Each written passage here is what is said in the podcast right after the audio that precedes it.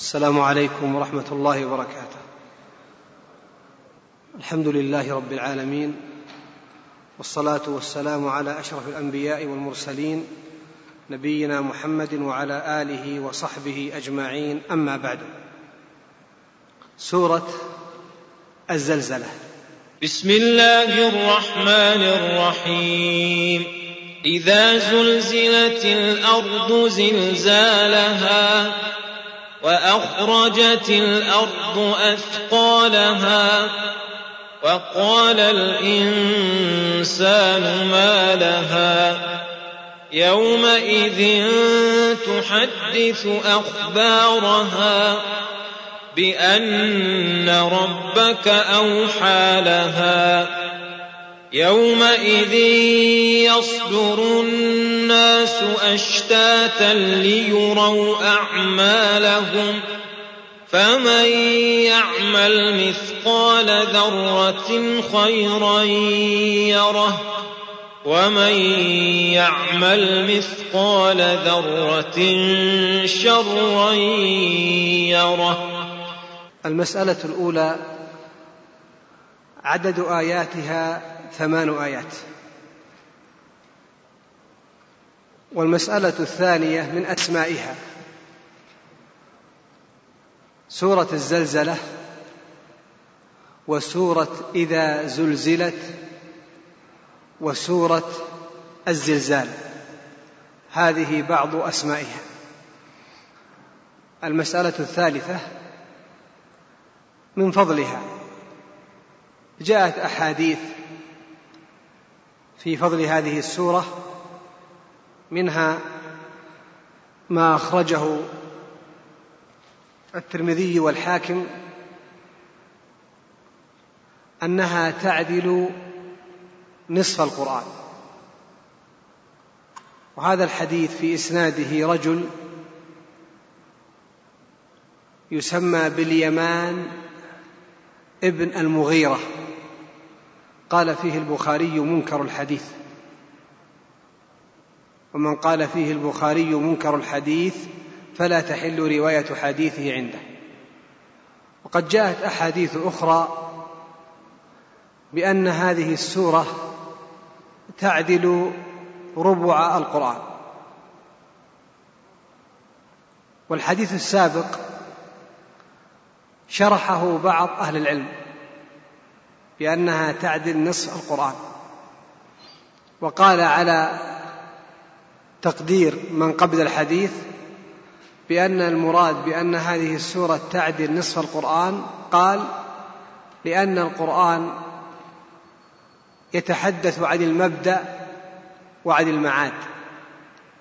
وهذه السورة كلها تتحدث عن المعاد وعما يكون في آخر الأمر.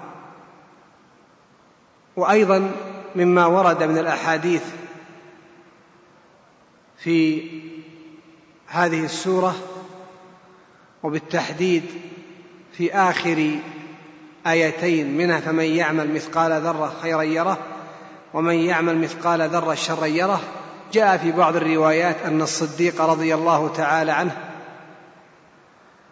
كان يأكل مع النبي صلى الله عليه وسلم فنزلت هذه السورة فبكى. لأن الله جل وعلا يحصي مثاقيل الأعمال على الخلق.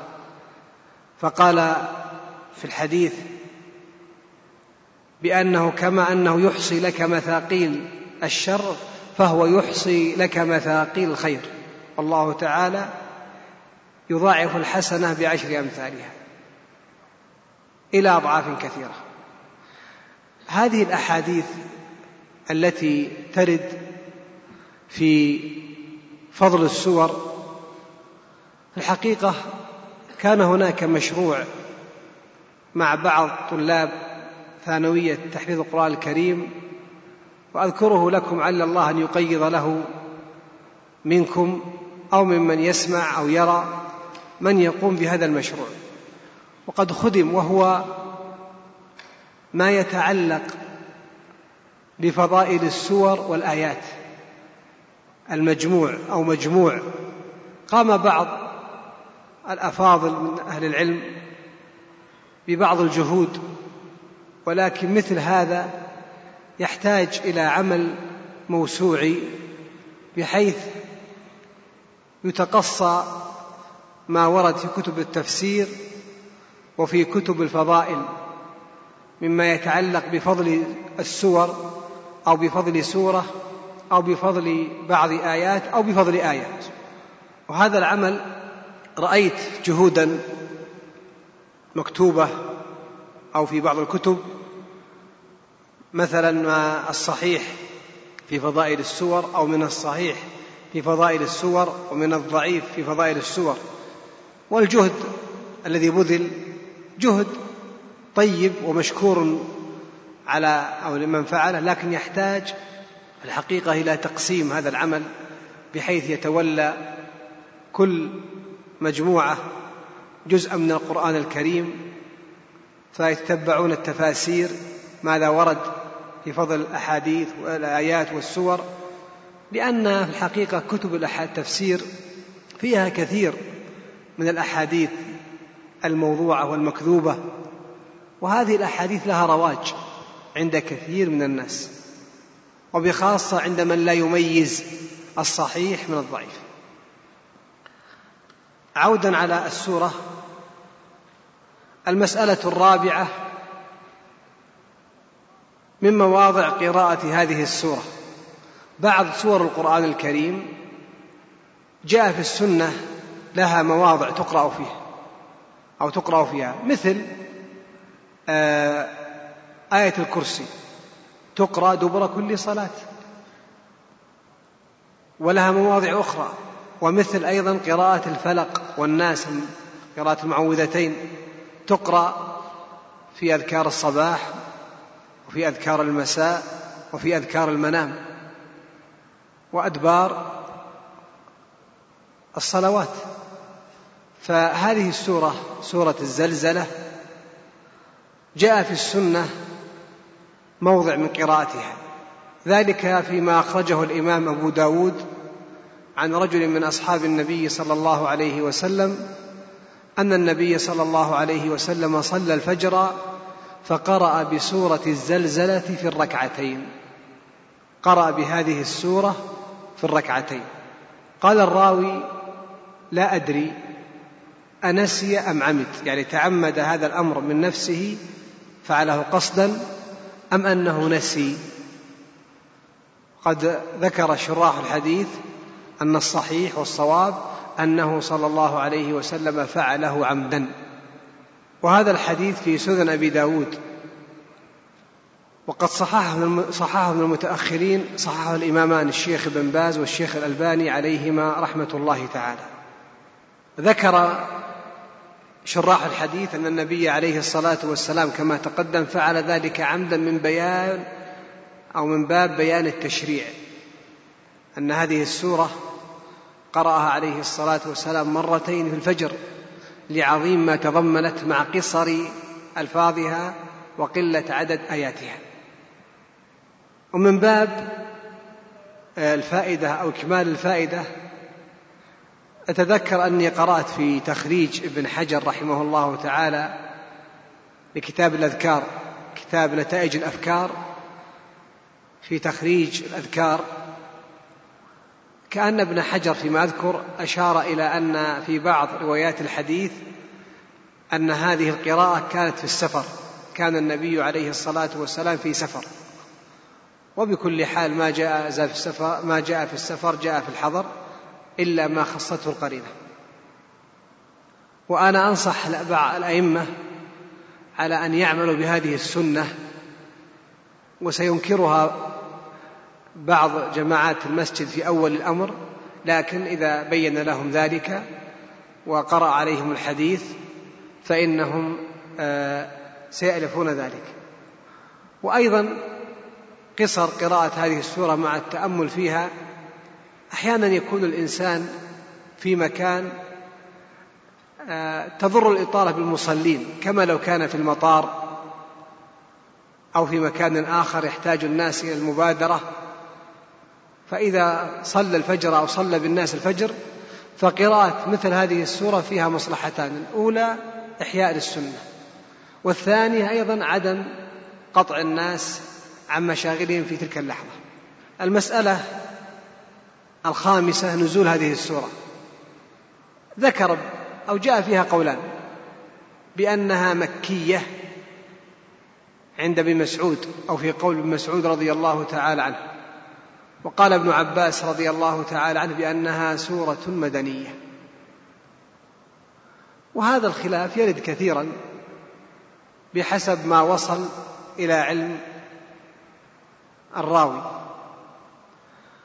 المسألة السادسة الكلام أو الكلام على الآيات.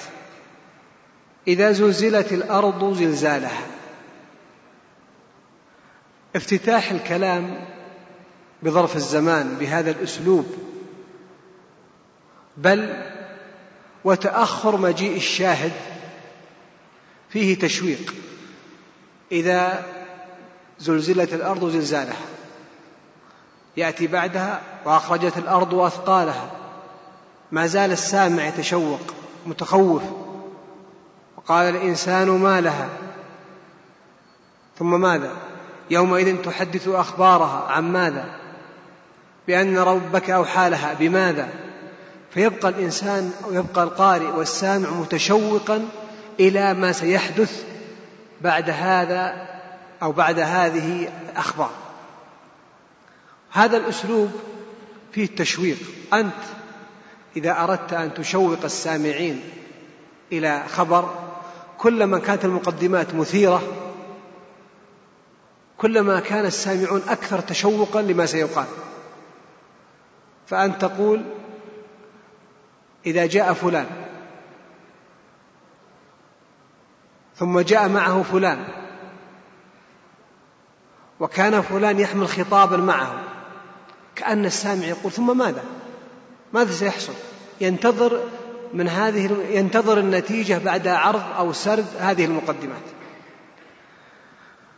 إذا زلزلت الأرض زلزالها هنا أضاف الزلزال إلى الأرض أنا أسألكم أيهما أبلغ أن يقال إذا زلزلت الأرض زلزالها أو إذا زلزلت الأرض زلزالا. سنقول جميعا الأبلغ ما جاء في القرآن الكريم. لا شك. لماذا؟ إذا زلزلت الأرض زلزالها أضاف المصدر إلى الأرض. وهنا والقول الثاني إذا زلزلت الأرض زلزالا مصدر غير مضاف. يقول فيه فرق. المصدر المضاف يكون في مقام ما أضيف إليه. بالمثال أيضا بمثال آخر يتضح لو جاءك رجل اسمه زيد فقلت أكرمت زيدا كرامة. ثم قال آخر أكرمت زيدا كرامته. أيهما أبلغ؟ كرامته. لماذا؟ إذا قلت أكرمت زيدا يصدق لو تعطيه ماذا؟ ماء. أنت أكرمته بالماء صح ولا لا؟ أكرمته بالخبز. أكرمته بحبة فاكهة. أما إذا قلت أكرمت زيدا كرامته فالمراد الكرامة اللائقة بمقام ومكانة زيد. هنا إذا زلزلت الأرض لو قال زلزالا لصدق علي ذلك أي زلزال سواء كان صغيرا أو متوسطا أو كبيرا. أما إذا قال إذا زلزلت الأرض زلزالها تشعر أن إضافة المصدر إلى الأرض أن الزلزال عظيم كبير كما أن الأرض عظيمة كبيرة. واضحة الصورة؟ طيب. الزلزال حركة في أسفل الأرض. وهناك موازين عالمية مشهورة ريختر له درجات معينة أظن أعلاها تسع درجات أو سبع درجات. هذه الزلازل مدتها ثواني أحيانا. ولكنها تغير وجه الأرض الذي حدثت تحته. إن ربك حكيم عليم. وهنا وقفة مع استنفار الدول لوسائل السلامة والتقنية. كل يوم تطالعنا وسائل الإعلام باستحداث وسائل السلامة متنوعة الأشكال والتقنية وما يتبع ذلك من التخصصات تارة تكون جوية وتارة تكون أرضية وتارة تكون مائية كل ذلك وسائل للتقنية في أمور السلامة. ومع ذلك كله يقف أولئك. العلماء المخترعون عاجزين أذلاء خائفين ضعفاء عند هذه الكوارث الطبيعية التي يقدرها الله تعالى ويشاؤها فالزلزال يقع في ثواني يهدم مباني أقيمت في سنين عددا. وكثرة الزلازل من أشراط الساعة كما قال صلى الله عليه وسلم فيما أخرجه مسلم عن أبي هريرة رضي الله تعالى عنه لا تقوم الساعة حتى تكثر الزلازل. ونحن في وقتنا هذا نسمع كثيرا من الزلازل التي حدثت في هذا العصر والبراكين وهذه علامة من علامات آه، قيام الساعة. هذه الزلزلة متى تكون؟ أو هل المراد بها في الآية أنها في الدنيا أو أنها تكون في آخر الدنيا. قال بعض العلماء أن هذه الزلزلة هي من علامات قيام الساعة يعني في آخر الساعة. الزلزلة العظيمة للأرض كلها هذه من علامات قيام الساعة. أما الزلازل المتنوعة فذلك من علامات قرب قيام الساعة. ولهذا سياق الآيات متوالية يدل على أن المراد أن هذا يكون في يوم القيامة. ونستفيد من هذه الآية تغير معالم الأرض عند قيام الساعة. تغير هذه المعالم العظيمة والسنن الكونية التي ألفها الناس في حياتهم حتى يكون الأمر أشد وقعا. تخيل حياة الخلق على الش... يرون الشمس صباحا والليل يرخي سدوله بعد غروب الشمس صيف وشتاء بحار وجبال ونجوم. ثم كل هذه الأمور تتغير تنتثر تسير الجبال والشمس تكور يخسف القمر الجبال تسجر الأرض تزلزل أمور كونية هائلة. نقولها لكن المعايشة لها تختلف. ولهذا جاء الوصف البليغ في مطلع سورة الحج يوم تذهل كل مرضعة عما أرضعت. تخيل إذا رأى الناس بركانا قد هاج. الزلزال المائي الذي حصل بركان قونو هذا ما الذي حصل؟ العالم كله انتفض. وسائل الاعلام تترقب والناس على وجل وكله ساعات. وتابعوا مسيرة هم على وجل وأصبح حدث الساعة. وهو يعتبر لا شيء عندما سيكون من علامات يوم القيامة. ولهذا يوم تذهل كل مرضعة عما ارضعت وتضع كل ذات حمل حملها وترى الناس سكارى وما هم بسكارى ولكن عذاب الله شديد. أيضا من فوائد الآية الرد على الطبائعيين الملاحدة. الذين يزعمون أن الطبيعة هي التي تتحكم في نفسها. وهذا قول بطلانه يغني عن إبطاله وسقوطه يغني عن إسقاطه ونكارته تغني عن إنكاره. فلو كان كذلك هل تفسد الطبيعة نفسها؟ هل تضر الطبيعة نفسها؟ هذا جهل منهم الطبيعة لا تملك بل العقلاء من الناس. لا يملكون لأنفسهم نفعا ولا ضرا إلا إذا شاء الله. بل لا يملكون تحويل الضر إذا كان الإنسان في يده بل في إصبعه جرح. لا يستطيع أن ينقل هذا الجرح إلى الإصبع الثاني. أبدا. لا يملكون كشف الضر عنكم ولا ولا تحويلا لا يكشف الضر من أصله ولا يستطيع أن يحوله من مكان إلى مكان. إذا الرد على الطبائعيين والملاحدة والزنادقة. أيضا نستفيد فائدة بلاغية أن براعة الاستهلال في مقدمة الكلام تشوق السامعين إلى ما سيقال. براعة الاستهلال أن تكون المقدمة مشوقة فالمتكلم إذا تكلم وضمن أو صدر كلامه بجمل فيها تهيئة النفوس وتذكير تنبيه الغافل. جعله يستعد لسماع ما يقول هذا أبلغ. وأخرجت الأرض أثقالها. مثل الآية الأخرى وإذا الأرض مدت وألقت ما فيها وتخلت. وهذا أيضا من تغيير معالم الأرض. تغيير جذري في الأرض كلها. جاء في الحديث عند الإمام مسلم عن أبي هريرة رضي الله تعالى عنه أن النبي صلى الله عليه وسلم قال تلقي الأرض أفلاذ أكبادها أمثال الأسطوان ما في جوفها من الذهب والفضة. فيجيء القاتل فيقول في هذا قتلت. ويجيء القاطع ويقول في هذا قطعت. يجيء الشخص اللي سرق فيقول في هذا بهذا الذهب أو هذا المال قتلت فقتلت وسرقت فقطعت ثم يدعونه فلا يأخذون منه شيئا قد انتهى الأمر ووقع قضاء الله وقدره وهنا أيضا من الفوائد أن كما تقدم تقريره أمس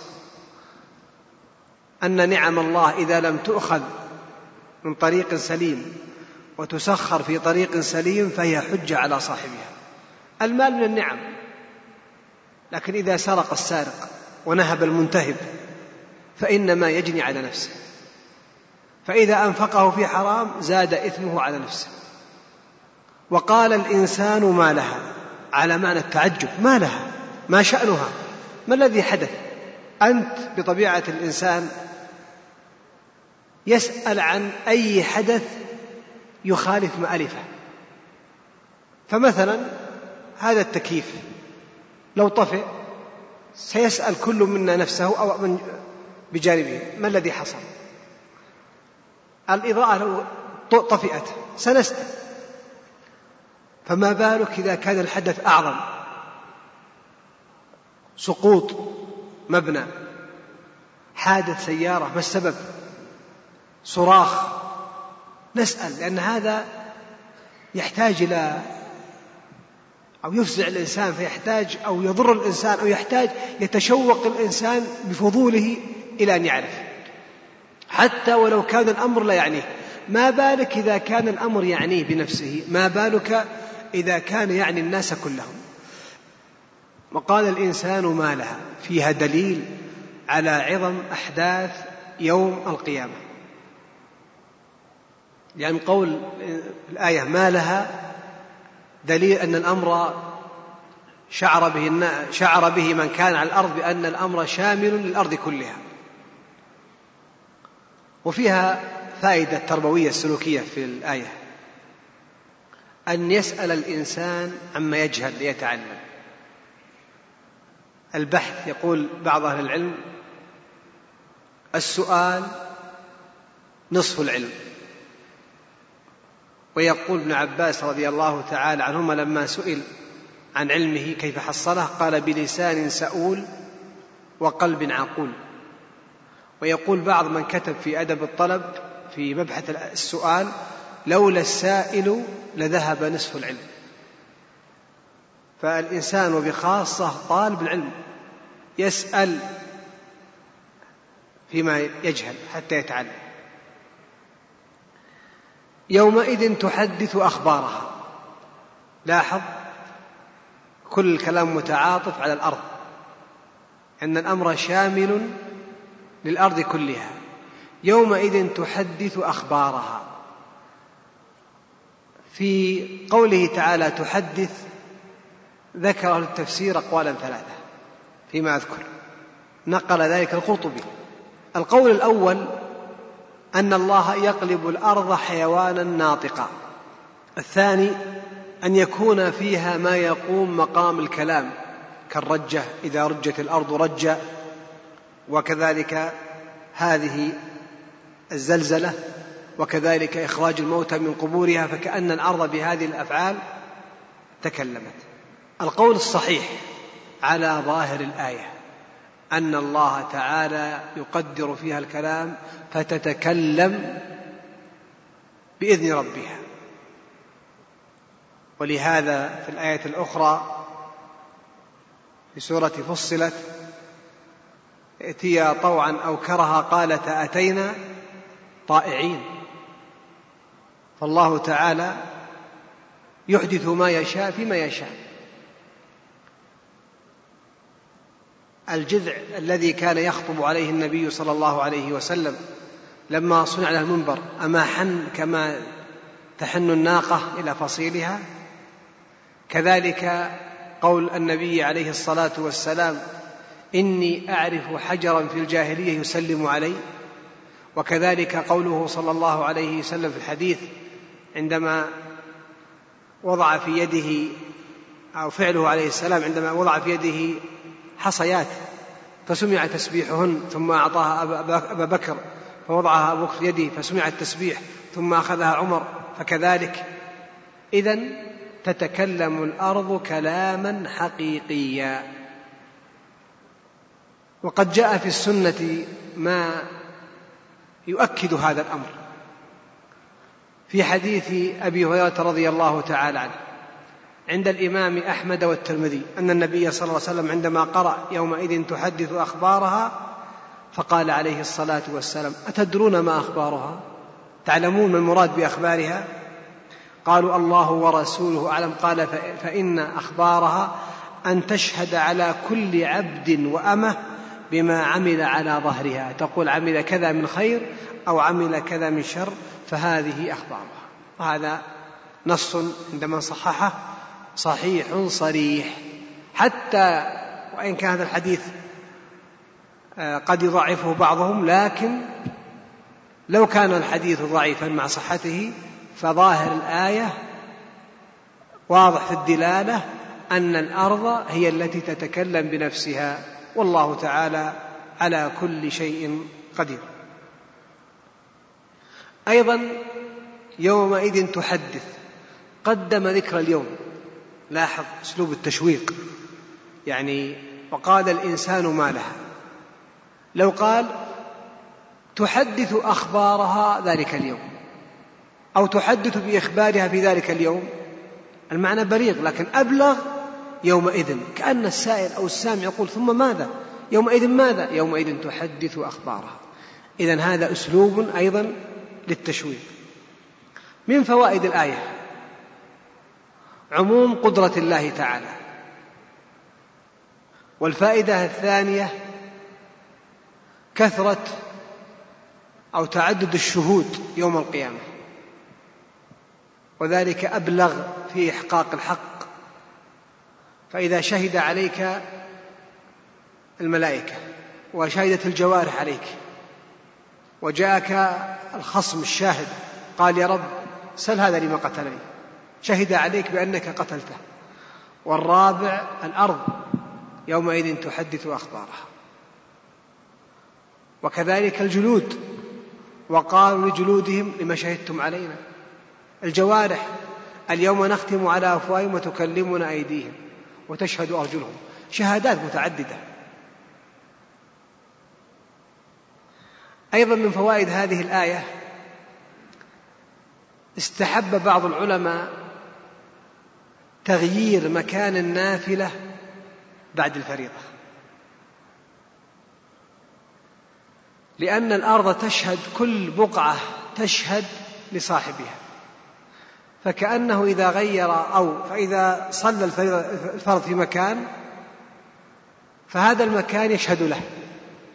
فإذا انتقل عنه وصلى النافلة في مكان أصبح عنده مكانان. وقد جاء في السنة حديث أيعجز أحدكم إذا صلى يعني يعني الفرض أن يتقدم أو يتأخر أو, يتق... أو عن يمينه أو شماله أو بمعنى الحديث. ولكن الحديث فيه كلام. قد اشتهر عن كثير من أهل العلم من الصحابة والتابعين ومن بعدهم أن فيما يتعلق بتغيير المكان مكان النافلة عن مكان الفريضة. والأفضل هذا في النافلة القبلية. أما البعدية فالأفضل أن تجعل في البيت. هنا فائدة استطرادية.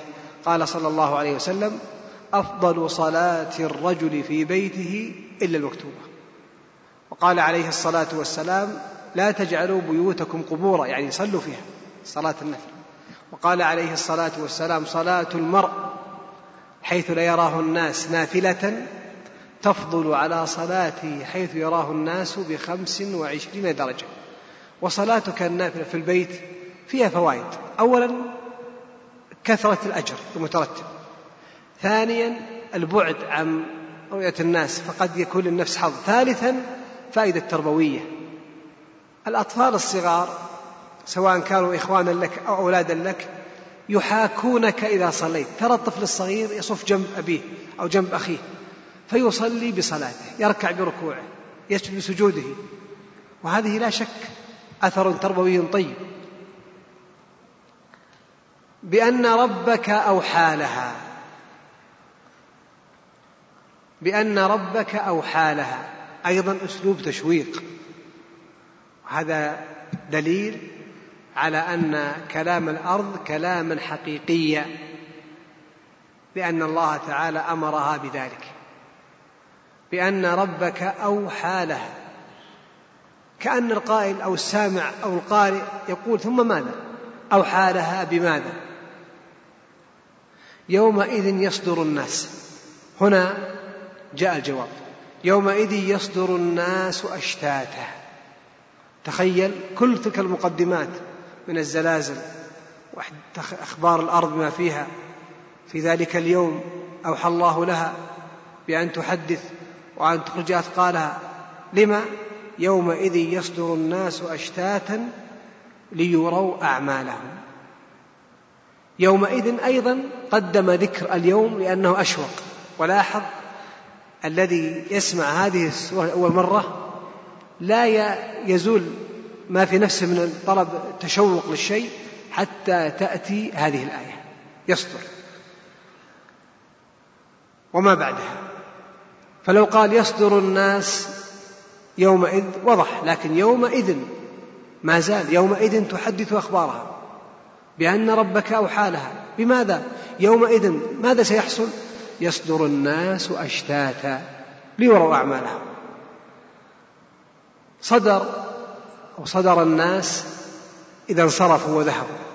لا نسقي حتى ماذا؟ في آية القصص حتى يصدر الرعاء يعني يذهب إذا استقر. أشتاتا جمع شت. المتفرق. يذهب كل جماعة إلى جهة في العرصات. ليروا ليشاهدوا. ليروا أعمالهم. هذه الآية فيها فوائد كثيرة. أولا اجتماع الناس في صعيد واحد. ومن فوائدها أيضا تفرق الناس كل بحسب عمله. أن ترى في المجتمع الكبير مثلا إذا صدر الناس من الحرم بعد طواف الوداع تخيل أناس يذهبون بطريق البر وأناس يذهبون بطريق البحر من جدة وأناس بطريق الجو من المطار. انصراف الناس بل قف أنت عند الإشارة المرية في التقاطع الرباعي. ثم انظر في أحوال الناس. هؤلاء جهة الشرق يذهبون وهؤلاء جهة الغرب وهؤلاء جهة الشمال وأنت جهة الجنوب وكل له حاجة وكل له عمل. فتخيل هذا المشهد المصغر وتخيل ذلك المشهد المكبر. أيضا من فوائد هذه الآية كمال عدل الله عز وجل. يرى العامل عمله. العامل يرى عمله بعينه. حتى لا يكون له حجة. فيفرح إذا كان محسنا ولا ويلوم نفسه ويثرب عليها إن كان مقصرا. وفيه أيضا أن الرؤية أبلغ من السماع. الرؤية أبلغ. ليروا أعمالهم تقدم بالأمس في مجلس أمس أن رؤية أو قبل أمس أن رؤية الشخص للشيء ومعاينته له أبلغ من سماعه. والنبي عليه الصلاة والسلام يقول ليس الخبر كالمعاينة. ولهذا هنا ليروا أعمالهم. فمن يعمل مثقال ذرة خيرا يره. ومن يعمل مثقال ذرة شرا يره. هذه الآية أو هاتان الآيتان سماهما النبي صلى الله عليه وسلم بالآية الجامعة الفاذة. جمعت كل خير وحذرت من كل شر. فكل خير يدخل تحت هذه الآية. وكل شر تحذيره يدخل تحت هذه الآية. أو التحذير منه. ولما سمعها صعصع بن معاوية ولا وقال لا أبالي أن أسمع غيرها لأنها جمعت ومنعت. وجاء عن أبي عن ابن مسعود رضي الله تعالى عنه قال أجمع وأحكم آية في القرآن هذه الآية. فمن يعمل مثقال ذرة خيرا يره ومن يعمل مثقال ذرة شرا يره. سمع الآية بعض التابعين فقال انتهت المواعظ لأن موعظة القرآن أبلغ موعظة ومن عمل بها ما جزاؤه. ولو أنهم فعلوا ما يوعظون به لكان خيرا لهم وأشد تثبيتا. الآيات في بقيتها وجاء عن كعب الأحبار أنه قال أنزل الله على محمد صلى الله عليه وسلم آيتين أحصيتا ما في التوراة والإنجيل. ثم ذكر أو تلا هاتين الآيتين فمن يعمل مثقال ذرة خيرا يره ومن يعمل مثقال ذرة شرا يره.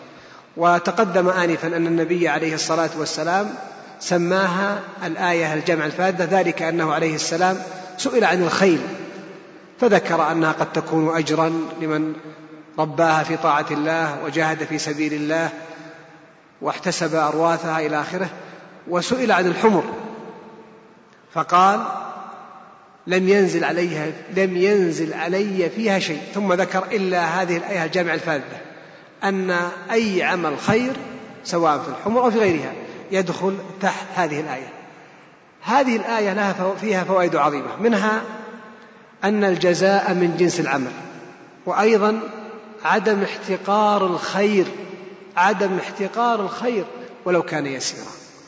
قال صلى الله عليه وسلم لا تحقرن من المعروف شيئا. كلمة شيئا نكرة تشمل أي شيء. ومن فوائدها أيضا عدم التهاون بالشر ولو كان يسيرا. الشر بابه عظيم لكن مفتاحه يسير. لاحظ لو من حرفين تفتح عمل ماذا؟ عمل الشيطان. لا تتهاون بالشر ولو كان يسيرا. أيضا في الآية كمال عدل الله عز وجل.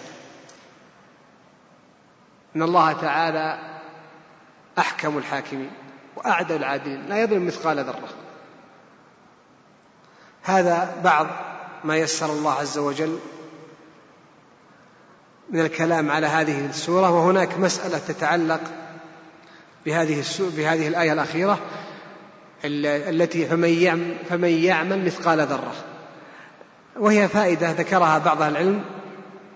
هل يدخل الكافر في هذه الآية؟ بمعنى لو عمل الكافر خيرا أو نهى عن شر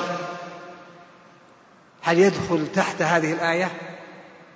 ذكر بعضهم نعم ينفعه ذلك العمل لعموم الآية.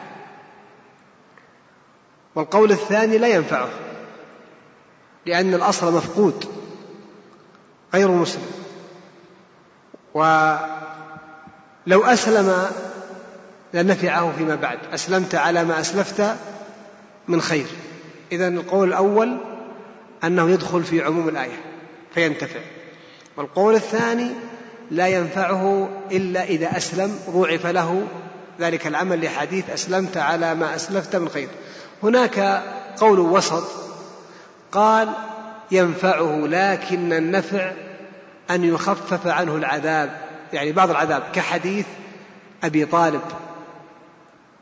ولولا أنا لكان في الدرك الأسفل من النار.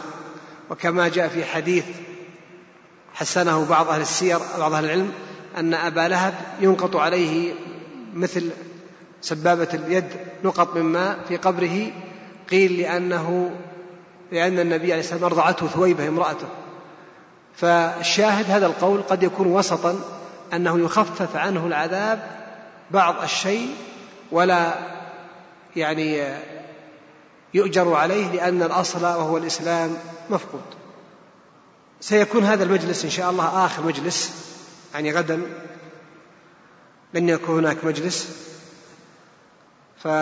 فبعد هذا المجلس أتوقف وأوصيكم بما أوصى بما أوصانا به أو أوصاني به شيخي الشيخ عبد الله بن محمد بن حميد رحمه الله تعالى. كان إذا أوقف الدرس قال أيها الطلاب وأنا أقول أيها الإخوة إن الدرس إذا وقف فإن العلم لا يقف وهمة طالب العلم لا تقف. وطالب العلم كما قال عليه الصلاة والسلام من همان لا يشبعان. طالب علم وطالب دنيا. يحرص الإنسان على الاستمرار في الطلب والتحصيل بنية صادقة وسيرى من الله التوفيق. شكر الله لكم وصلى الله وسلم على رسول الله. والسلام عليكم ورحمة الله وبركاته. الأسئلة جاءت بعض الأسئلة. وهنا أتاني جواب عن طريق الشبكة من الطالبة بحور من الكويت. بحور جمع بحر. وجوابها طويل فليس بحرا بل جوابها بحور على اسمها ولها من اسمها نصيب. ذكرت الآيات في آه، أولي العزم ثم ذكرت نظما لبعضهم في أولي العزم ثم قالت إن هذه المعلومات ليست من معرفتي وإنما من بحثي إلى آخره. المهم أثابها الله خيرا وكذلك أتاني جواب من قطر وجواب من الإمارات وجواب من الرياض بس باقي عمان البحرين حتى يكون مجلس التعاون الخليجي. وفق الله قادته إلى كل خير. على كل حال إجابات ما شاء الله تبارك الله يعني بعضها ما شاء الله يعني بل كلها إن شاء الله إجابات علمية. ونظرا لأن الجائزة واحدة فتسقط الجائزة لكثرة المتنازعين عليها.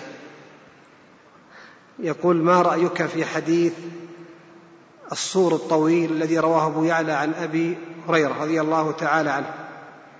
أنا أذكر هذا الحديث إن كان هو الذي في نفس الذي يريده السائل أنه في ذكره ابن القيم ونقلها الشيخ حافظ حكمي رحمه الله تعالى في المعارج.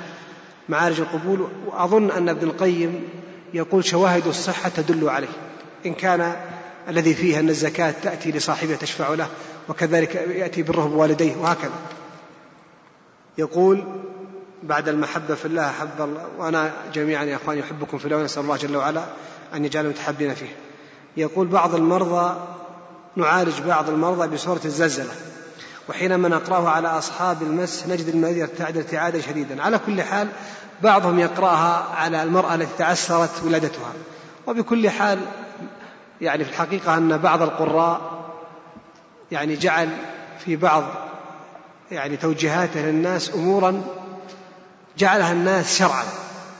وأنت تعلم أن الأذكار لفظها وعددها ومكانها وزمانها وهيئة قائلها لا تخصص إلا بدليل فمثلا لو قال إنسان اقرأوا سورة الآيتين الأخيرتين من البقرة في الليل. لماذا الآيتين الأخيرة لماذا نقرأ الآيتين؟ ما نقرأ العشر؟ يقول جاء فضل في السنة. نعم. لكن بعض الناس هدانا الله وإياه. يقول لبعض المرضى تقرأ سورة قاف فجر الجمعة مثلا ست مرات. تحديد الجمعة. وتحديد العدد وتحديد السورة. يحتاج إلى دليل. فلو قلت اقرأ القرآن ارقي نفسك تصدق كف عن المعاصي افعل الخير. يقول سألتم سألت حفظك الله عن الصحيفة الصادقة وهي الصحيفة التي كان يكتب فيها عبد الله بن عمرو بن العاص. رضي الله عنهما ما صح عن الكتاب من التفسير. وكان من الزاملتين. نعم. ارجع إلى مقدمة في أصول التفسير لشيخ الإسلام فقد ذكر هذا الخبر. وأذكر أيضا أن في كتاب الإسرائيليات أعتقد الشيخ محمد أبو شهبة تعرض لهذا الأمر. وفي رسالة دكتوراه على الإسرائيليات وتعرض صاحبها أو صاحبتها آه، لصحيفة عبد الله بن عمرو. وهناك مبحث اسمه النسخ الحديثية. النسخ الحديثية والصحف الحديثية. يذكر فيه ما رواه التابعون عن الصحابة أو اتباع التابعين التابعين وأشار بعضهم إلى صحيفة عبد الله بن عمرو. وإن كان لي إن شاء الله من وقت متسع لعلي يكون بين اتصال وأزيدك فائدة هذه كلها إجابات عن العزم. هذا يقول أولو العزم إذا كانت من بيانية فإن جميع الرسل هم من أولي العزم. هذا نقل أثابه الله نقل عن تفسير البغوي وتفسير الشوكاني فتح القدير. قال ذو العزم يعني قال ابن عباس ذو الحزم وقال ذو الضحاك الجد والصبر. ثم ذكر حديثا عن ابن عباس قال أولو العزم من الرسل النبي صلى الله عليه وسلم ونوح وإبراهيم وموسى وعيسى. صح الحديث لا إشكال. يقول آمل التفضل بإبلاغنا عن كتب التفسير التي تنصح بالتركيز عليها. أنا أنصح نفسي وإياكم نصيحة هناك ثلاث تفاسير أو بمعنى آخر خمس خمسة كتب. الأول تفسير الشيخ ابن سعدي والكتاب الثاني مختصر تفسير ابن كثير للرفاعي. والكتاب الثالث تفسير القرطبي. هناك كتاب رابع الصحيح المسند من أسباب النزول للشيخ مقبل الوادعي. رحمه الله تعالى ورحم من قبله. وكتاب خامس الإسرائيليات والموضوعات في كتب التفسير للشيخ محمد محمد أبو شهبة هذه الكتب الخمسة انتفعت بها كثيرا. وأنا أنصح الإخوان جميعا بأن تقرؤون ما تحفظون تقرؤون تفسير ما تحفظون. اقرأ تفسير ما تحفظ. وأوصي الأئمة بصفة أخص وهذا مجرد من أسباب رسوخ التفسير في الذهن. اقرأ تفسير ما ستقرأ على جماعة أو في صلاتك. مثلا ستقرأ سورة الفجر أو في صلاة الفجر سورة الفجر مثلا أو في فجر الجمعة ألف لام تنزيل والدهر. اقرأ تفسيرهما. وأيضا يا أخوان أوصيكم بالتلخيص. وقبل التلخيص بل قبل أن تقرأ. فيه طريقة يسميها بعض أهل الفلسفة المنطق التعليم بالقوة. يعني قد يكون من معانيها نحت الذهن. فمثلا لاحظ لو قرأت عليكم سؤالا مثلا وقلت ما حكم كذا؟ ثم قلت الجواب كذا. لو أني قلت لكم ما حكم كذا أجيبوا يا إخوان. كل إنسان سيبذل جهد ذهني أليس كذلك؟ طيب فإذا قلت لكم الآن أجبتم اسمعوا الجواب. إذا استفدتم فائدتين. الفائدة الأولى نحت الذهن في سبيل الوصول إلى الجواب. الفائدة الثانية وهي قد تكون أهم تهيئة الذهن لسماع ما سيقال. وهذا فيه فائدة كبيرة. أذكر أني سألت الشيخ عبد العزيز بن باز عن سؤال أسألكم إياه الآن. رجل رحمه الله تعالى رجل دخل المسجد مع الباب الشرقي في الرياض والإمام راكع فمشى والقوم راكعون فرفع الإمام من الركوع لكنه ما قال سمع الله من حمده واضح؟ نسي. فدخل هذا وركع قد رأى الإمام رفع فركع هذا الداخل مع الإمام وسبح ثم تنبه الإمام فقال سمع الله لمن حمده. السؤال هل يكون هذا الرجل مدركا للركعة أو غير مدرك للركعة؟ نعم. مدرك. نعم. المهم عندنا الآن قولان. أنا وصل القولان مدرك وغير مدرك. واضح؟ طيب. سألت الشيخ ابن باز رحمه الله تعالى فكان جوابه وأخر الجواب بعدين إن شاء الله. الآن هيئة أنفسكم ما تلاحظون؟ كلكم مشتاق لكن لن أخبركم إلا في آخر الجلسة إن شاء الله. طيب. كتب تصح بقراءتها في أدب الطلب. هناك كتاب للشيخ ابن عثيمين رحمه الله سماه طلب العلم. وأنصحكم يا إخوان بقراءة السير. سير أهل العلم. ما الحكمة من خلق, من خلق المخلوقات الضارة كالعقرب والحية والبعوضة إلى آخره؟ آه، أولا يقول بعض الأصوليين الأولى بالسؤال هل من حكمة؟ تلتمس. ويكون الجواب بأن تقول لعل من الحكمة. لأن لعل التوقع من تبعيضية. كل ما خلق الله فهو لحكمة أفحسبتم أنما خلقناكم عبثا؟ كل خلق خلقه الله لحكمة. أذكر أن الدميري في حياة الحيوان ذكر أن رجل اعترض على خلق حشرة فأصابه مرض فكان علاجه بإذن الله من آه، التراب أو العش التي تعيش تلك الحشرة. بكل حال كل شيء خلقه الله لحكمة. الذباب. قرأت في بعض كتب العلم المختبري يكون في مختبرات وإجراءات علمية أن هذا الذباب له فائدة عظيمة. ذلك أنه قيضه الله للقضاء على حشرات لا ترى بالعين. جراثيم لا ترى بالعين المجردة أيضا تلك الجراثيم لها حكمة من خلقها. ولاحظ الدورة سبحان الله البيئية التي قدرها الله. يعني الأنهار تصب في البحار. لو قدر البحر حجر عنها. تسيح الأرض. تخيل هذه الجيف. الأسد يفترس الظبا والبقر والغنم في الصحراء. فإذا أكل نهمته تخيل أن هذا العفن الباقي أنه سيستمر في رائحته يهلك الناس. لكن جعل الله من حكم الشمس قتل تلك الجراثيم والبكتيريا وتبخير ذلك الأمر. تأتي سباع الطيور أو سباع الوحش الصغيرة فتأكل ما بقي من الجيف. ثم تأتي الطيور النسور وما شاكلها. ثم إذا انتهى الأمر تأتي دواب الأرض القوارض فتقضي على تلك الجيف. فكل هذه الحشرات والطيور لها حكمة عظيمة. لكن لا يلزم من عدم معرفتها إن كان أنت الآن في الطائرة. ترى في آه، مكان يسمى الكابينة. أزاليل كثيرة. مرة كنت قادم من أمريكا في الطائرة. من بضع سنين. وركبت في مع القائد الكابينة.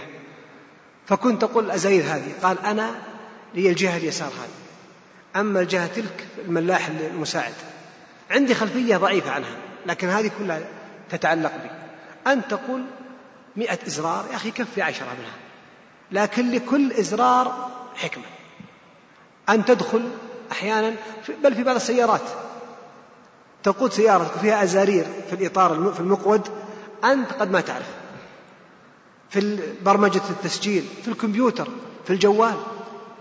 خدمات قد أنت ما تعرفها ترى أحيانا مصطلحات كتابية في الجوال تقول هذا عبث فاضي هذا لكن لكل شيء حكمة. ليس الخبر كالمعاينة صحته صحيح. جاء بلفظان لفظ مختصر ليس الخبر كالمعاينة ولفظ مطول ليس الخبر كالمعاينة. فإن الله لما أخبر موسى أن قومه عبدوا العجل لم يلقي الألواح لكنه ألقاها فتكسرت. هذا مدري عن قصد السائل يقول لطفا لم تسقط الجنة أو كذا لكثرة من يدندن حولها والله ما قصدت إلا مداعبتكم والله ما فهمت مرادك. ما أدري قصد السائل. هل هناك دليل يدل على قراءة سورة الإخلاص أكبر الصلوات؟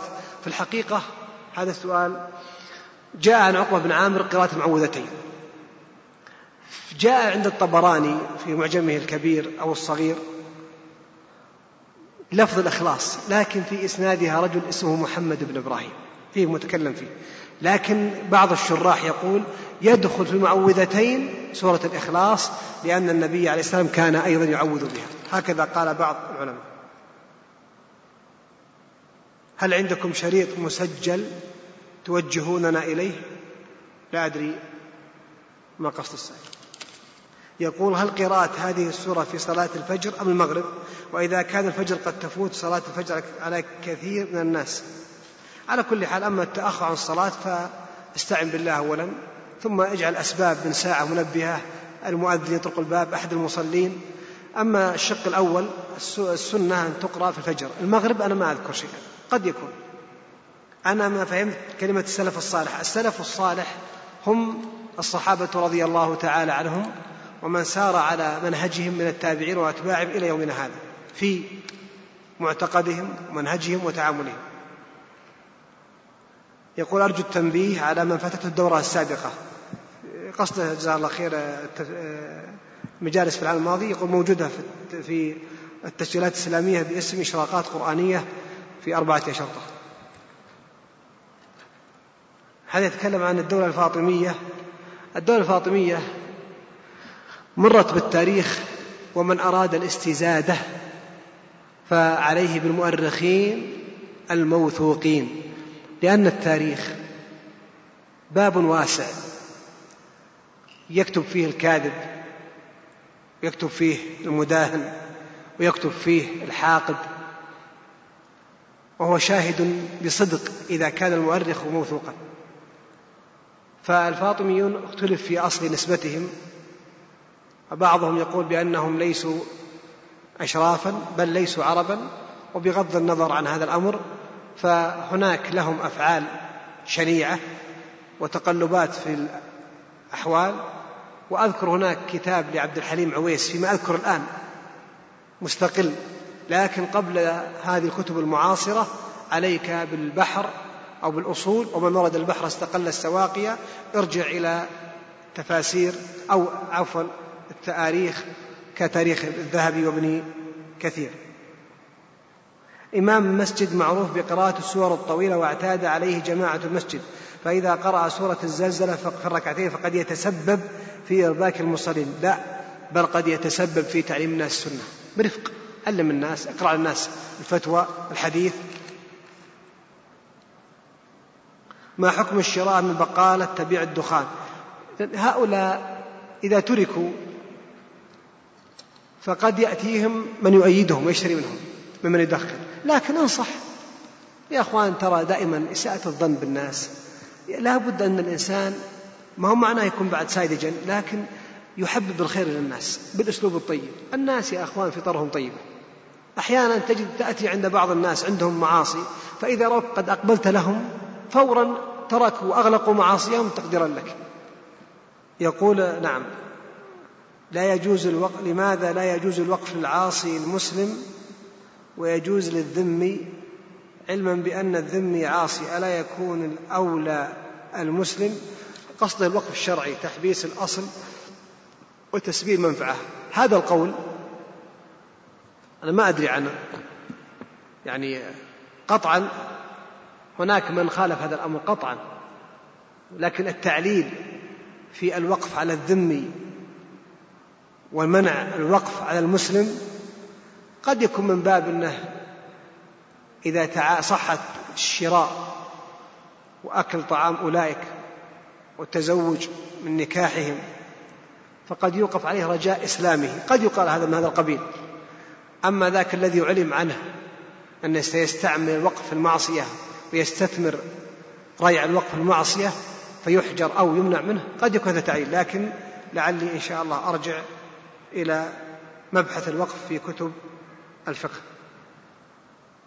يقول هذا أثابه الله ذكرت في تفسير قوله تعالى فأما من ثقلت موازينه فهو في عيشة راضية. نعم ذكرني أثابه الله بالميزان. وباختصار أيها الأكارم الميزان في يوم القيامة حق لا إشكال لا مجاز حق لا مرية فيه. جاءت به النصوص الكريمة في القرآن الكريم وفي السنة. أما في القرآن فمن ثقلت موازينه. أما في السنة فالأحاديث كثيرة. منها آخر حديث في البخاري حديث أبي هريرة رضي الله تعالى عنه. قال قال صلى الله عليه وسلم كلمتان خفيفتان على اللسان ثقيلتان في الميزان حبيبتان للرحمن سبحان الله وبحمده سبحان الله العظيم. إذا المسألة الأولى أن الميزان حق. المسألة الثانية هل الميزان واحد أو متعدد؟ في خلاف.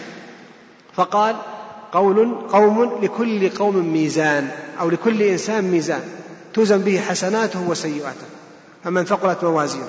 وقال آخرون أنه واحد والجمع للجنس. القول المسألة الثالثة ما الذي يوزن؟ يوزن العامل والعمل وصحف الأعمال. العامل قول النبي عليه الصلاة والسلام والذي نفسي بيده. يعني ساق يعني لما ضحك بعض الصحابة على ساقي ابن مسعود قال عليه السلام والذي نفسي بيده إنهما في الميزان أثقل من ماذا؟ من جبل أحد. وفي الحديث الآخر يؤتى بالرجل السمين يوم القيامة فلا يزن عند الله جناح بعوضة. أيضا يوزن العمل لحديث السابق كلمتان ثقيلتان في الميزان. وتوزن صحف الأعمال حديث البطاقة. المسألة الرابعة إجابة عن شبهة. قال بعضهم كيف توزن الأعمال وهي أشياء معنوية؟ قيل يجعلها الله تعالى أعراضا. وقيل الله جل وعلا على كل شيء قدير والكلام حق لا مرية فيه. فيوزن العامل والعمل وصحف العمل تلك الأعمال تقلب أعراضا محسوسة موزونة حتى توزن. هذا أثابه الله وأشكر الإخوة. يا إخوان وهذه يعني فوائد مجالس العلم. أنا أستفيد منكم أكثر مما تستفيدون لأن هذا يأتي باستدراك وهذا يأتي بسؤال فيجعل الإنسان يبحث وهذا يأتي بتنبيه على خطأ قيل وهذا يأتي بزيادة دليل. هذا أحد الأخوة الفضلاء آه، ذكر أثابه الله أنني قلت نقلت قول بعض أهل العلم أن عذاب القبر منقطع على الموحدين. عصاة الموحدين ومستمر على الكفار. الشاهد أثابه الله أنه ذكر بعض الأدلة أو ذكر آه، قال أنه لم يرد دليل على انقطاع العذاب عن عصاة الموحدين بل جاءت أدلة تدل, تدل على أنه مستمر منها حديث الذي يجر إزارة, إزارة يتجلجل يوم القيامة ومنها حديث الذي آه، يشدخ رأسه فيفعل به ذلك إلى يوم القيامة. وذكر حديث أثابه الله كثيرة وهذا البحث يعني أشكر صاحبه عليه وفتح لي باب خير كما قال الشيخ ابن سعدي رحمه الله لما قال له السائل أكثرنا عليك يا شيخ في السؤال؟ قال المنة لكم علي. أنت لا تظن أنك إذا أنا أنصح الإخوة اللي يدرسون في المدارس أو في المساجد أو يسألهم الناس افرح بإذا أتاك سائل يسألك أولا لتعلمه فتؤجر أنت وإياه. وثانيا إذا كنت جاهلا أن تتعلم أنت وتعلم هذا السائل فالسائل ينقل جوابك إلى غيره ثم يستمر الخير يدر عليك بسعة انتشار العلم. آه، يقول هذا السائل ما تفسير يخرج الحي من الميت ويخرج الميت الحي؟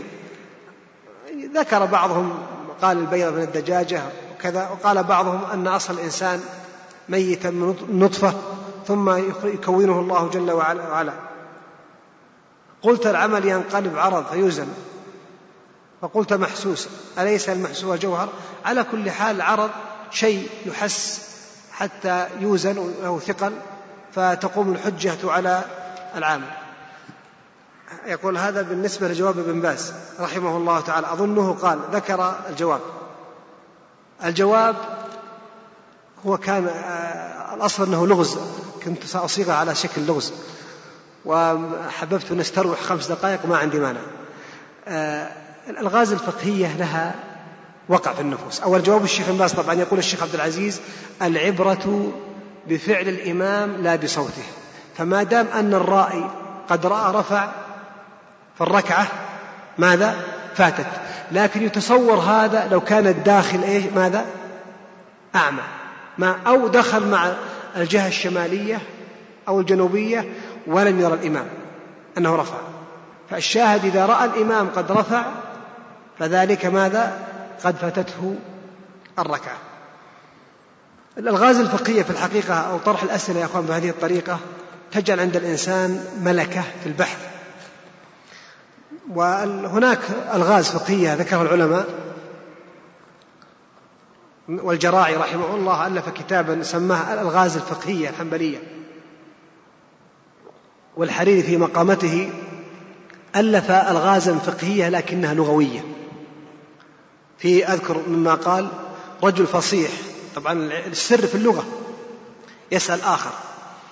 يقول ما تقول في رجل توضأ ومس ظهر نعله؟ قال انتقض وضوءه بفعله. قال أصبت. قال أيأكل الصائم إذا أصبح؟ قال نعم وذاك أحوط. قال أصبت. قال فإن أكل ليلا؟ قال يقضي يوما. قال أصبت. قال أيستباح ماء البصير؟ قال معاذ الله. بل يستباح ماء الضرير؟ قال أصبت. قال ما تقول في من صل أما الناس وعانته بارزة؟ قال صلاته وصلاتهم جائزة. قال أصبت. قال ما تقول في من صلى وعليه صوم؟ قال يقضي ولو صلى سائر اليوم. قال أصبت. طبعا هذه الغاز لغوية. قصده أن يستباح ماء البصير؟ قال معاذ الله. البصير من أسماء الكلب. قال لا يستباح ويستباح ماء الضرير. ما هو الضرير من أسماء الوادي؟ قال أيغتسل مما يقذفه الثعبان؟ قال عجبا لك. وهل رأيت أنظف منه العريان؟ الثعبان من أسماء الوادي. ولما قال أيأكل الصائم إذا أصبح؟ في اللغة أصبح أي أشعل المصباح فهو لا يزال في ماذا؟ في ليل. واضح أيها الأكارم؟ أيأكل الصائم ليلا؟ أرأيت إن أكل الصائم ليلا؟ قال يقضي يوما. لماذا؟ قال الليل هو كما قال الشاعر أكلت النهار بنصف النهار. فرخ الحبارة. وليلا أكلت بليل بهيم. فرخ الكروان طائر. إذا أكل الصائم طائرا يقضي يوما. من أما الناس وعانته بارزة؟ قال صلاته وصلاتهم جائزة. العانة اسم لقطيع الحمر حمير. سمى هذه عانة من حمر الوحش. ما تقول في من توضأ ومس ظهر نعله؟ قال انتقض وضوءه بفعله. قال هو شافعي الحريري. والنعل تسمى المرأة نعلا. فمس المرأة ينقض الوضوء. طيب أرأيت من صلى وعليه صوم؟ قال يقضي ولو صلى سائر يوم الصوم اسم درق الحمام والحمام درقه نجس عندهم فإذا وقع درق الحمام على بدن المصلي فكأنها وقعت نجاسة. لكن لا بد أن نحذر من الألغاز المشينة التي فيها إيهام. السبكي يقول ينبغي أن يعزر من أتى بألغاز فيها ألفاظ عقدية موهمة فهذه ينبغي تجنبها حتى لا تقع يقع الناس في إشكال. أخيرا يا أخوان أستودعكم الله الذي لا تضيع ودائعه وأسأل الله لي ولكم التوفيق وصلى الله على رسول الله والسلام عليكم ورحمة الله وبركاته.